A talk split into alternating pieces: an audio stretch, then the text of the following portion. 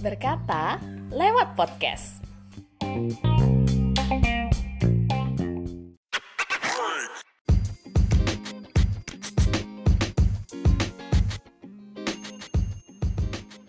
Sering sekali ada stigma bahwa perempuan itu seharusnya di rumah saja.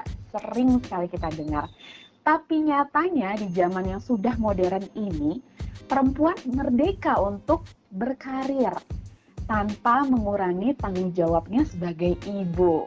Beruntung sekali sudah tersambung dengan salah satu inspirasi saya pribadi, yaitu Mbak Sinta yang merupakan seorang dosen di UGM Departemen Keperawatan dan juga kemarin baru selesai doktor di Belanda lewat jalur Netherlands Fellowship Program. Halo Mbak Sinta. Halo Mbak Anggi, suaranya kayak penyiar banget. Masa sih? Ya renyah gitu suaranya tuh ya. Oh, apalagi Mbak Sinta nih, suaranya renyah. Terus abis itu pokoknya pakai lengkap lah Mbak Sinta ini. Gimana kabarnya nih Mbak? Baik-baik, gimana Mbak Anggi kabarnya? Baik juga. Ada jadwal ngajar kah hari ini atau gimana? Uh, hari ini cukup bertubi-tubi Mbak, jadwalnya baru setengah lima sampai rumah. Waduh, berarti semangat banget terus langsung disambut sama anak-anak ya? Langsung disambut anak-anak. Kebetulan tapi ibu saya pasti lagi nginap di sini. Jadi ibu kan ada rumah sendiri, tapi pas mm -hmm. kebetulan nginap di sini. Jadi sampai rumah, udah mbak, kebetulan banget langsung sudah ada masakan. Jadi aku puji Tuhan banget pokoknya. oh, coba ini banget ya jadinya untung gitu ya ada untung, ibu yang betul karena kalau nggak gitu nggak mungkin makanan sudah tersedia di meja mbak. Oke, okay, okay. kalau boleh tahu nih mbak ngobrol-ngobrol santai gini di berkata podcast soal sejak kapan sih jadi ibu berkarir? Jadi ibu berkarir. Mm-hmm. Kalau berkarir sendiri sebenarnya saya sudah mulai dari tahun 2003 ya. Mm. Tapi menjadi ibu sendiri itu baru punya anak tuh di tahun 2010. Mm. Jadi kalau ibu berkarir ya 2010 baru mulai itu Mbak. Mm-hmm. Oh, oke. Okay. Sebelum aku tanya-tanya lebih lanjut nih, menurut Mbak ibu berkarir yang yang sempurna di mata Mbak Sinta, adakah kayak wah ini aku harus mencapai target ini nih gitu? Ada nggak sih Mbak? Kalau menurut saya yang namanya apa pun itu Mbak Andi, yang kesempurnaan itu hanya milik Allah semata. Betul, betul. Jadi buat saya apa pun itu kalau tadi pertanyaannya kayak mana sih ibu berkarir yang sukses gitulah ya kalau sempurna tuh menurut saya nggak akan pernah ada. Yang sukses itu menurut saya yang mampu untuk menyeimbangkan antara karir dan keluarga. Kayaknya cuma kata seimbang tapi it's not that easy gitu pada saat pelaksanaannya. Jadi beliau-beliau yang uh, karirnya oke, okay, keluarganya bahagia, anak-anaknya sukses dan lancar juga dalam sekolahnya, itu menurut saya yang cukup sukses. Hmm, oke. Okay. Tadi disebutkan oleh Mbak Sinta kalau misalnya seimbang. Nah, merealisasikan seimbang di selama menjadi ibu rumah tangga, adakah tantangannya, Mbak? Seimbang itu kalau menurut saya uh, sangat kasuistik ya, Mbak ya.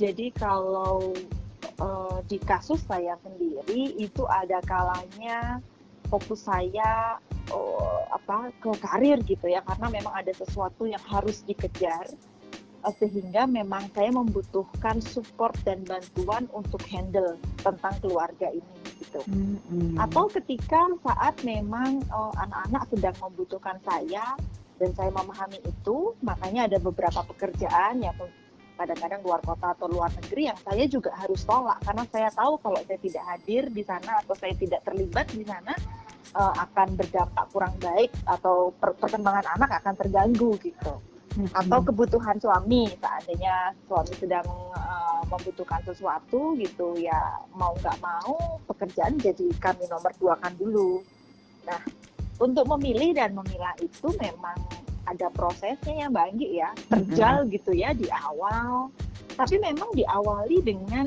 uh, memilih pasangan yang tepat menurut saya Mbak Anggi yang dari awal mungkin memahami betul bahwa uh, kita memang sangat berkeinginan untuk terus berkarya. Hmm. Kalau menurut saya nih Mbak definisi berkarir itu uh, adalah berkarya dan produktif gitu ya. Apa pun itu, misalnya hmm. apakah menjadi pembatik, apakah misalnya jualan uh, uh, apa namanya punya warung kelontong di rumah, apakah misalnya uh, online shopping atau hmm. apa pun itu yang bentuknya adalah berkarya dan produktif tetapi tidak melulu berhubungan dengan dampak ekonomi gitu ya siapa mm -hmm. tahu beliau adalah seorang seniman yang memang melatih tari dan seterusnya gitu ya memang berkarya dan produktif nah dari awal memang saat sebelum menikah itu tentunya memilih pasangan yang kurang lebih memahami kita mbak bahwa kita tuh nggak mau tinggal diam gitu tipikalnya kan nggak duduk manis arisan uh, apa namanya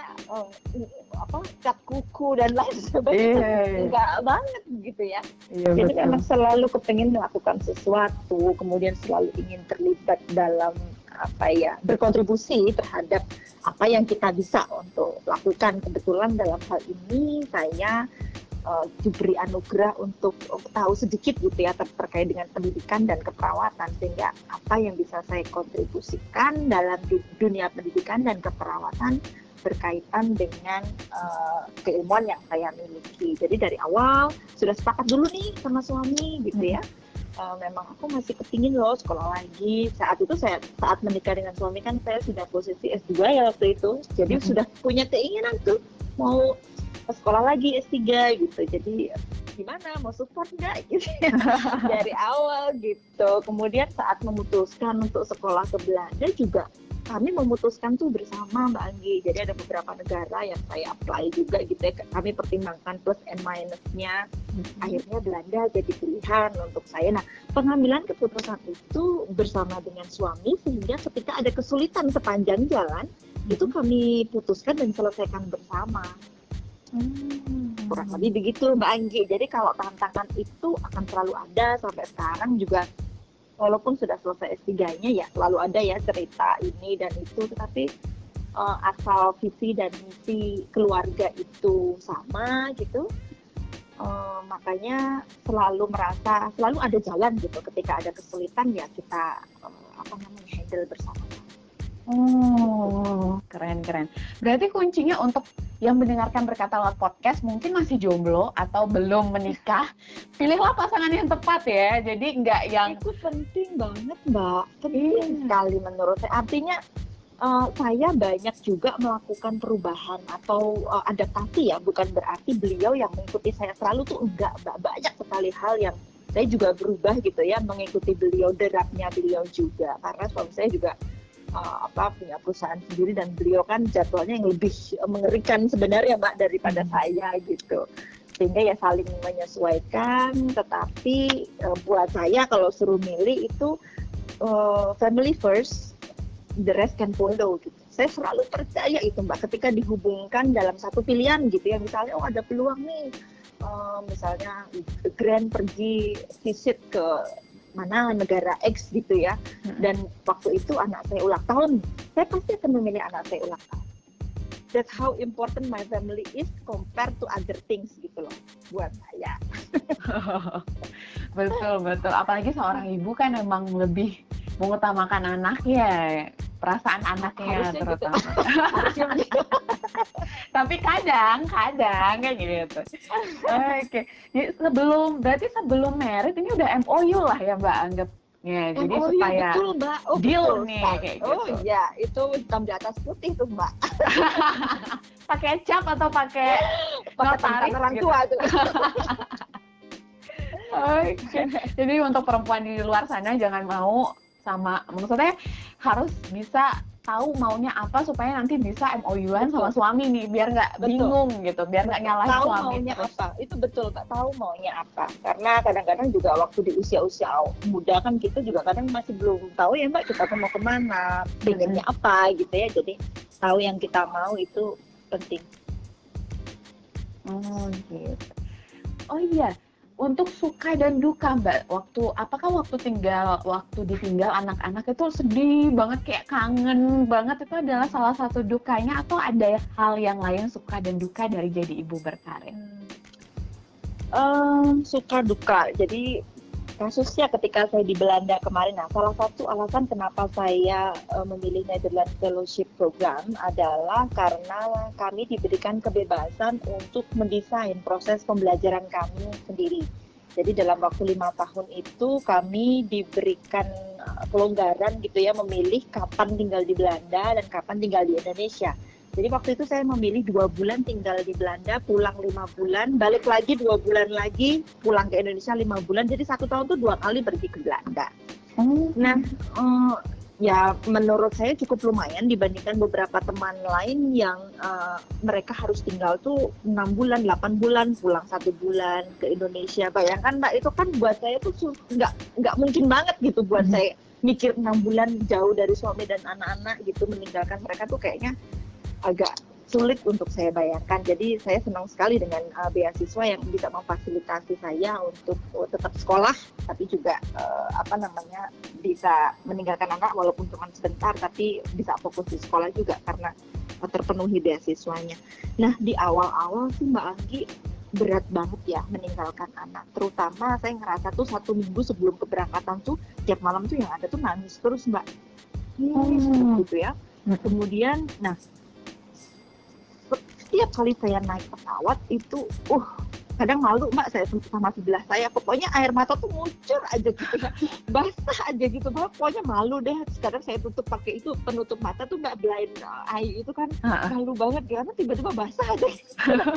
Tapi saya selalu satu jam sebelum saya landing itu selalu saya buka laptop kemudian saya nulis diary di dalam laptop saya kemudian uh, saya buka uh, saya bikin itu timetable saya tuh mau ngapain dua bulan di Belanda. Saya tidak akan membiarkan satu hari pun saya pulang dari kantor di Belanda tanpa saya berprogres. Nah begitu saya landing itu dalam hati itu sudah sangat ready mbak. Dan harus ready karena apa?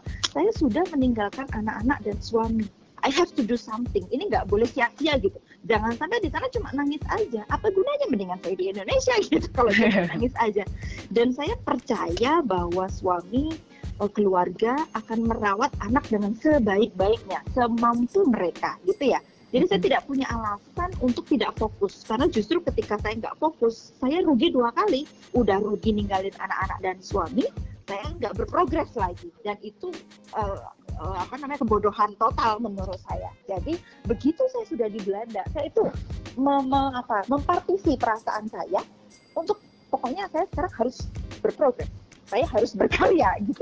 Sehingga ibarat kata seperti single gitu kalau sana artinya pikiran saya loh saya buat untuk pokoknya bekerja untuk diri sendiri. Saya berangkat jam 7 pagi, saya pulang jam 7 malam dan itu saya lakukan setiap hari dan ya puji hasilnya. Berjalan dengan lancar saya lulus dengan tepat waktu dengan nilai yang baik. Jadi kayaknya fokus itu juga jadi anu mbak jadi uh, kunci ya untuk kita bisa berhasil.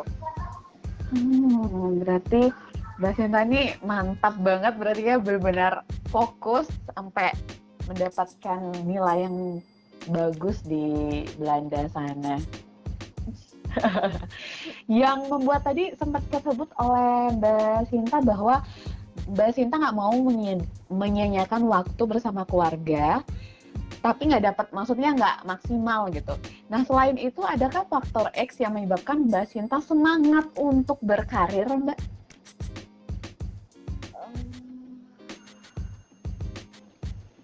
Semangat untuk berkarir. Berkarya.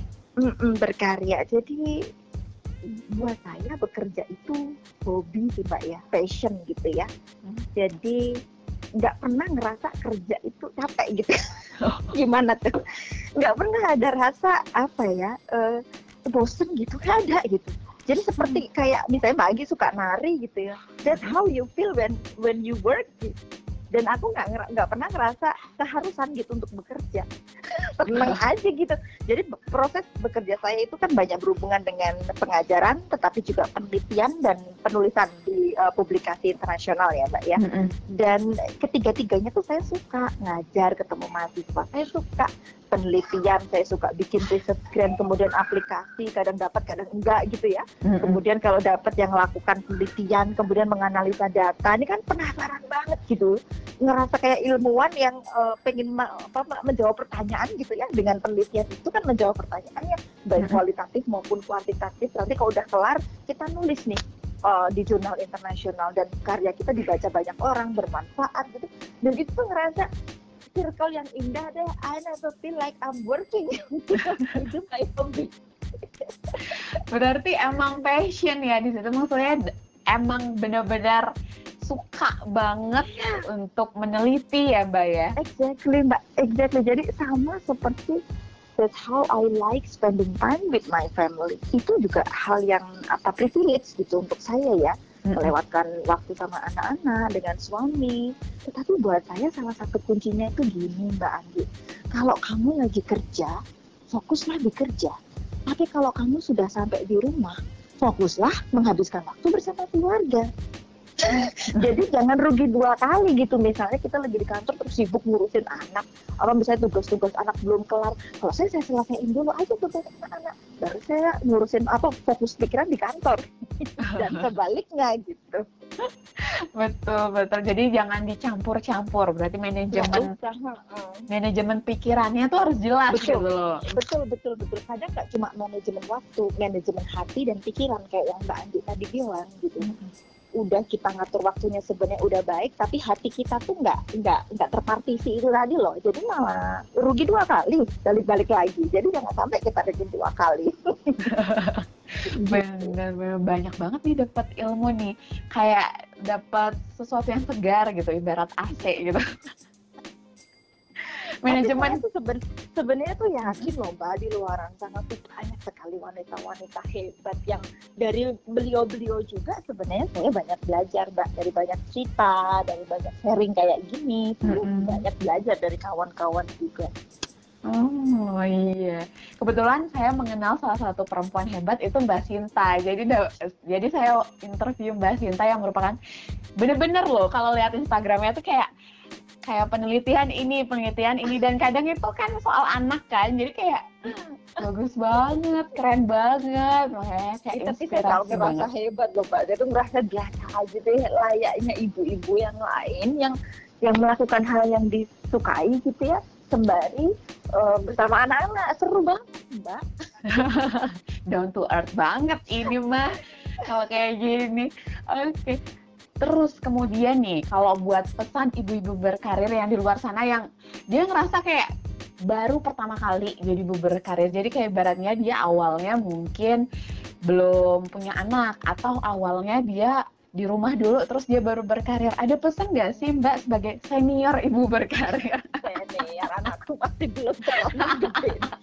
Kalau saya gini Mbak Anggi, um, selama saya berkarir dan berkeluarga mm-hmm. itu godaannya tuh banyak. Oh godaan maksud saya begini banyak sekali tawaran-tawaran uh, training di mana di mananya tuh nggak cuma di Jakarta atau di Malang atau di Bandung ya di mana tuh bisa di uh, negara X negara Y yang saya juga kepingin banget gitu ya pergi ke sana gitu kemudian uh, tawaran untuk melakukan ini atau melakukan itu. Tapi ada beberapa hal yang tidak bisa saya lakukan karena ada apa komitmen rumah yang juga tidak bisa saya tinggal. Uh, mungkin ini karena pengalaman spiritual juga ya dan itu yang saya percaya.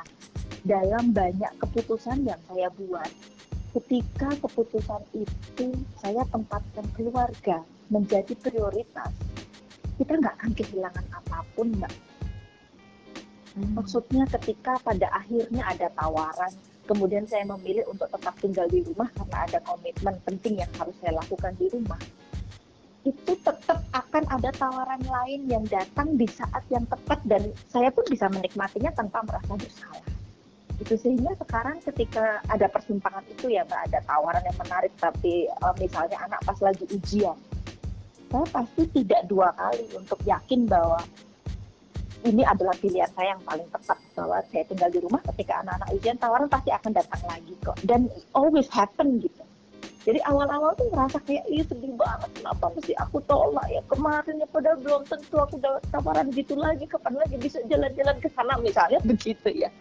Tapi uh, ketika akhirnya udah mau udah nggak usah dipikir dan tolak aja pasti itu yang terbaik. Dan nyatanya memang begitu gitu mbak. Jadi uh, pesan saya sih ya seandainya ya setiap orang pasti punya pertimbangan masing-masing ya. Tetapi saya sangat yakin ketika menikah itu bagian dari ibadah ketika menikah itu bagian dari apa pengabdian kita sebagai manusia gitu ya. Dan ketika itu kita prioritaskan tidak akan salah pintu kok rezekinya yang lain itu pasti akan datang.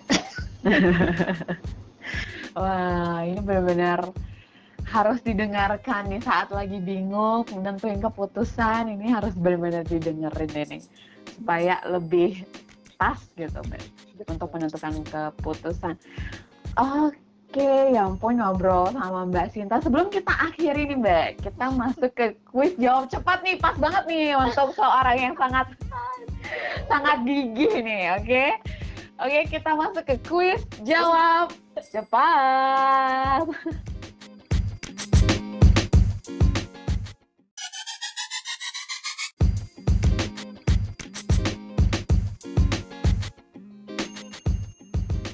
Oke, okay di kuis jawab cepat ini jawabnya cepet aja nggak susah kok mbak. Nggak pertanyaan rumus gitu enggak ini tuh kayak cuma hal simple doang untuk lebih mengenal mbak Sinta. Oke okay. pertanyaan pertama kopi atau teh? Kopi lah. Kopi. Ngegas ya? Ngegas ya? Udah urusan kopi ngegas nih. Terus habis itu asin atau manis Enggak dua-duanya sih, apa ya? Agak pernah minum manis juga, asin aja deh. Asin aja. Dikejar dosen pembimbing waktu dulu, waktu S3, atau dikejar mahasiswa untuk bimbingan? Dikejar dosen pembimbing lah. lebih sopan. Kejarnya tuh lebih, lebih, lebih manusiawi gitu. Curhat. Oke, okay. menari atau menyanyi? Menari lah. Menari salad atau rujak? Salad. Oh salad. Oke, okay. kalau kopi udah kelihatan ngegasnya nih ya. Kenapa kopi? Whoever invent coffee is a genius. ya ya, setuju setuju. setuju banget itu. Kalau asin ya tadi karena lebih prefer yeah, untuk pilih yeah. makanan asin ya. Nah, ya. gurih ya. Nah ini nih dikejar dos, lebih milih dikejar dosen daripada dikejar mahasiswa. Kenapa ini Mbak? Jadi kadang jadi gini ya Mbak, kadang-kadang mahasiswa tuh lupa ya. Kita itu dosen tuh mahasiswa itu banyak banget Mbak. Enggak mahasiswa S1, enggak mahasiswa S2, ada beberapa mahasiswa S3, belum lagi di kampus yang mana, belum lagi angkatan berapa. Jadi kalau ujuk-ujuk WA Bu, kalau ini uh, kapan saya bisa uh, apa namanya bisa dapat feedback dari ibu. Ya feedback judul penelitianmu yang apa namamu siapa angkatan berapa. Jadi kadang-kadang nggak jelas juntrungannya gitu. Udah dibikinin grup ya oke okay, grup bimbingan untuk angkatan ini gitu ya. Masih pula gitu dia japri aduh pusing tapi ya apa-apa belajar sabar oh, kirain bakalan milih mahasiswa dibanding dosen. Mungkin karena apa ya Mbak saat S3 itu kan betul-betul hal yang kita tuh memang suka banget gitu ya untuk mm -hmm. lakukan. Dan tanpa sebenarnya saya sering ngejar beliau malahan bukan beliau ngejar saya gitu. Prof kapan janjian? Prof kapan bisa meeting lagi? Prof berikutnya gimana jadi kayaknya dia yang empat gitu beliau karma. Karma kayaknya karma. Bener-bener. Kayaknya masuk ke karma itu bener Oke deh. Kenapa lebih pilih menari daripada menyanyi? Aduh, saya mana ada dasar dulu sama dengan Remba. Yang dengerin. Sudah nari aja deh. Dari tarian yang tarian yang Mbak Sinta biasa tarikan tari apa nih mbak? Iya tari Jawa lah. Saya cuma bisa tari Jawa aja, nggak bisa tari Bali mbak. Jawa aja nama tariannya apa mbak? Siapa tahu gitu bisa tampil gitu. Ada yang denger wah ternyata mbak Sinta ini bisa tampil nih. Sekalian oh, langsung oh, talk show Saya gitu. kan sudah anu merta mbak menarinya.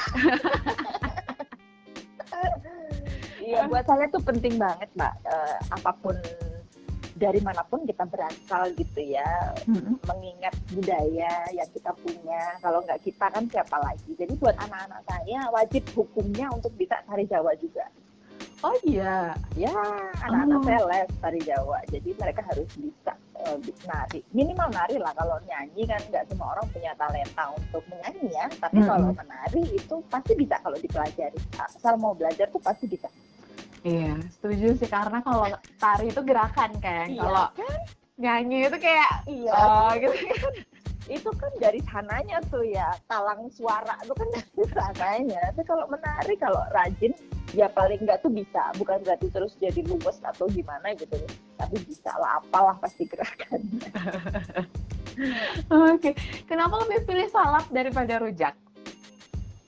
karena eh, apa ya suami saya tuh suka banget ya namanya, namanya rujak dan buat saya tuh trauma banget melihat dia rujak karena rujak tuh pasti levelnya tuh sambelnya yang 18 gitu ya logonya terus kecutnya ala Makjan gitu habis itu diare gitu. Nggak panik ya udah sholat aja deh lebih aman gitu nggak menyakiti lambung gitu. Kebayang sih mbak. Suamiku juga suka bikin yang kayak gitu. Aku lebih Eh, gimana? Jadi buahnya tuh nggak jelas yang dimasukin udah buah nggak nggak jenis buah lagi udah. Masukin itu saking udah advance gitu kelasnya. Udahlah. Salad aja lebih aman Iya iya benar-benar. Tapi waktu di Belanda nggak kangen sama makanan Indonesia kayak rujak ini atau Nah. gulai, lotek. Mbak, di mana pun saya berada, saya akan makan makanan lokal aja. Karena ribet nanti. Kalau kita di Indonesia kangen makanan Belanda atau makanan luar negeri lain. Kalau di sana kangen sama gudeg kan repot. Udahlah, kalau di sana makan yang di sana.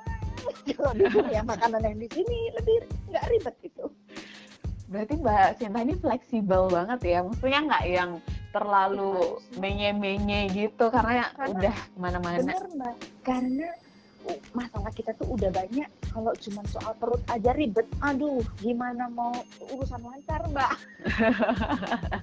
Bener ya. Padahal perut itu kan penting kan asupan makanan itu. Jadi jangan Betul. dibawa ribet Jangan gitu. dibawa ribet gitu dan uh, nah satu hal nih mbak.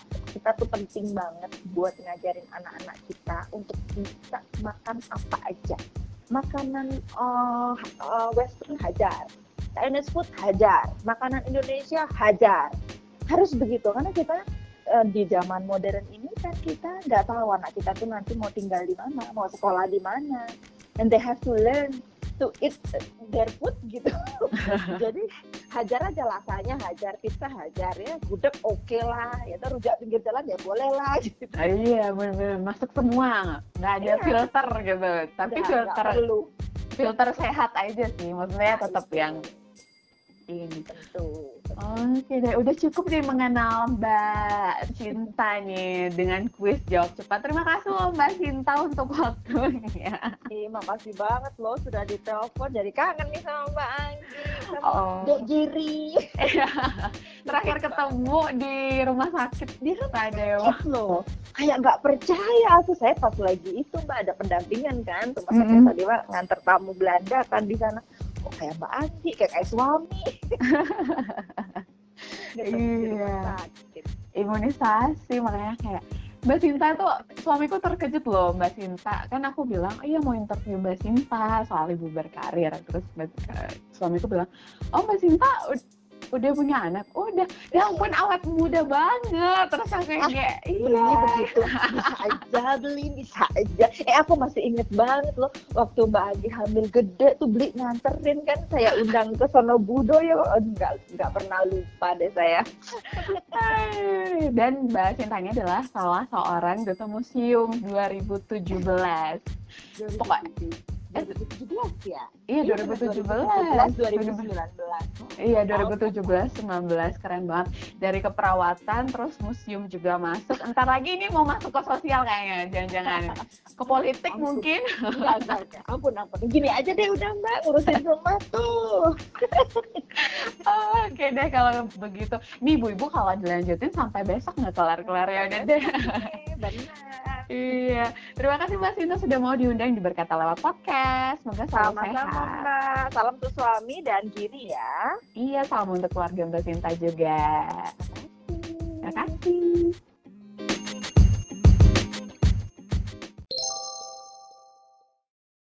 Terima kasih karena sudah mendengarkan berkata lewat podcast.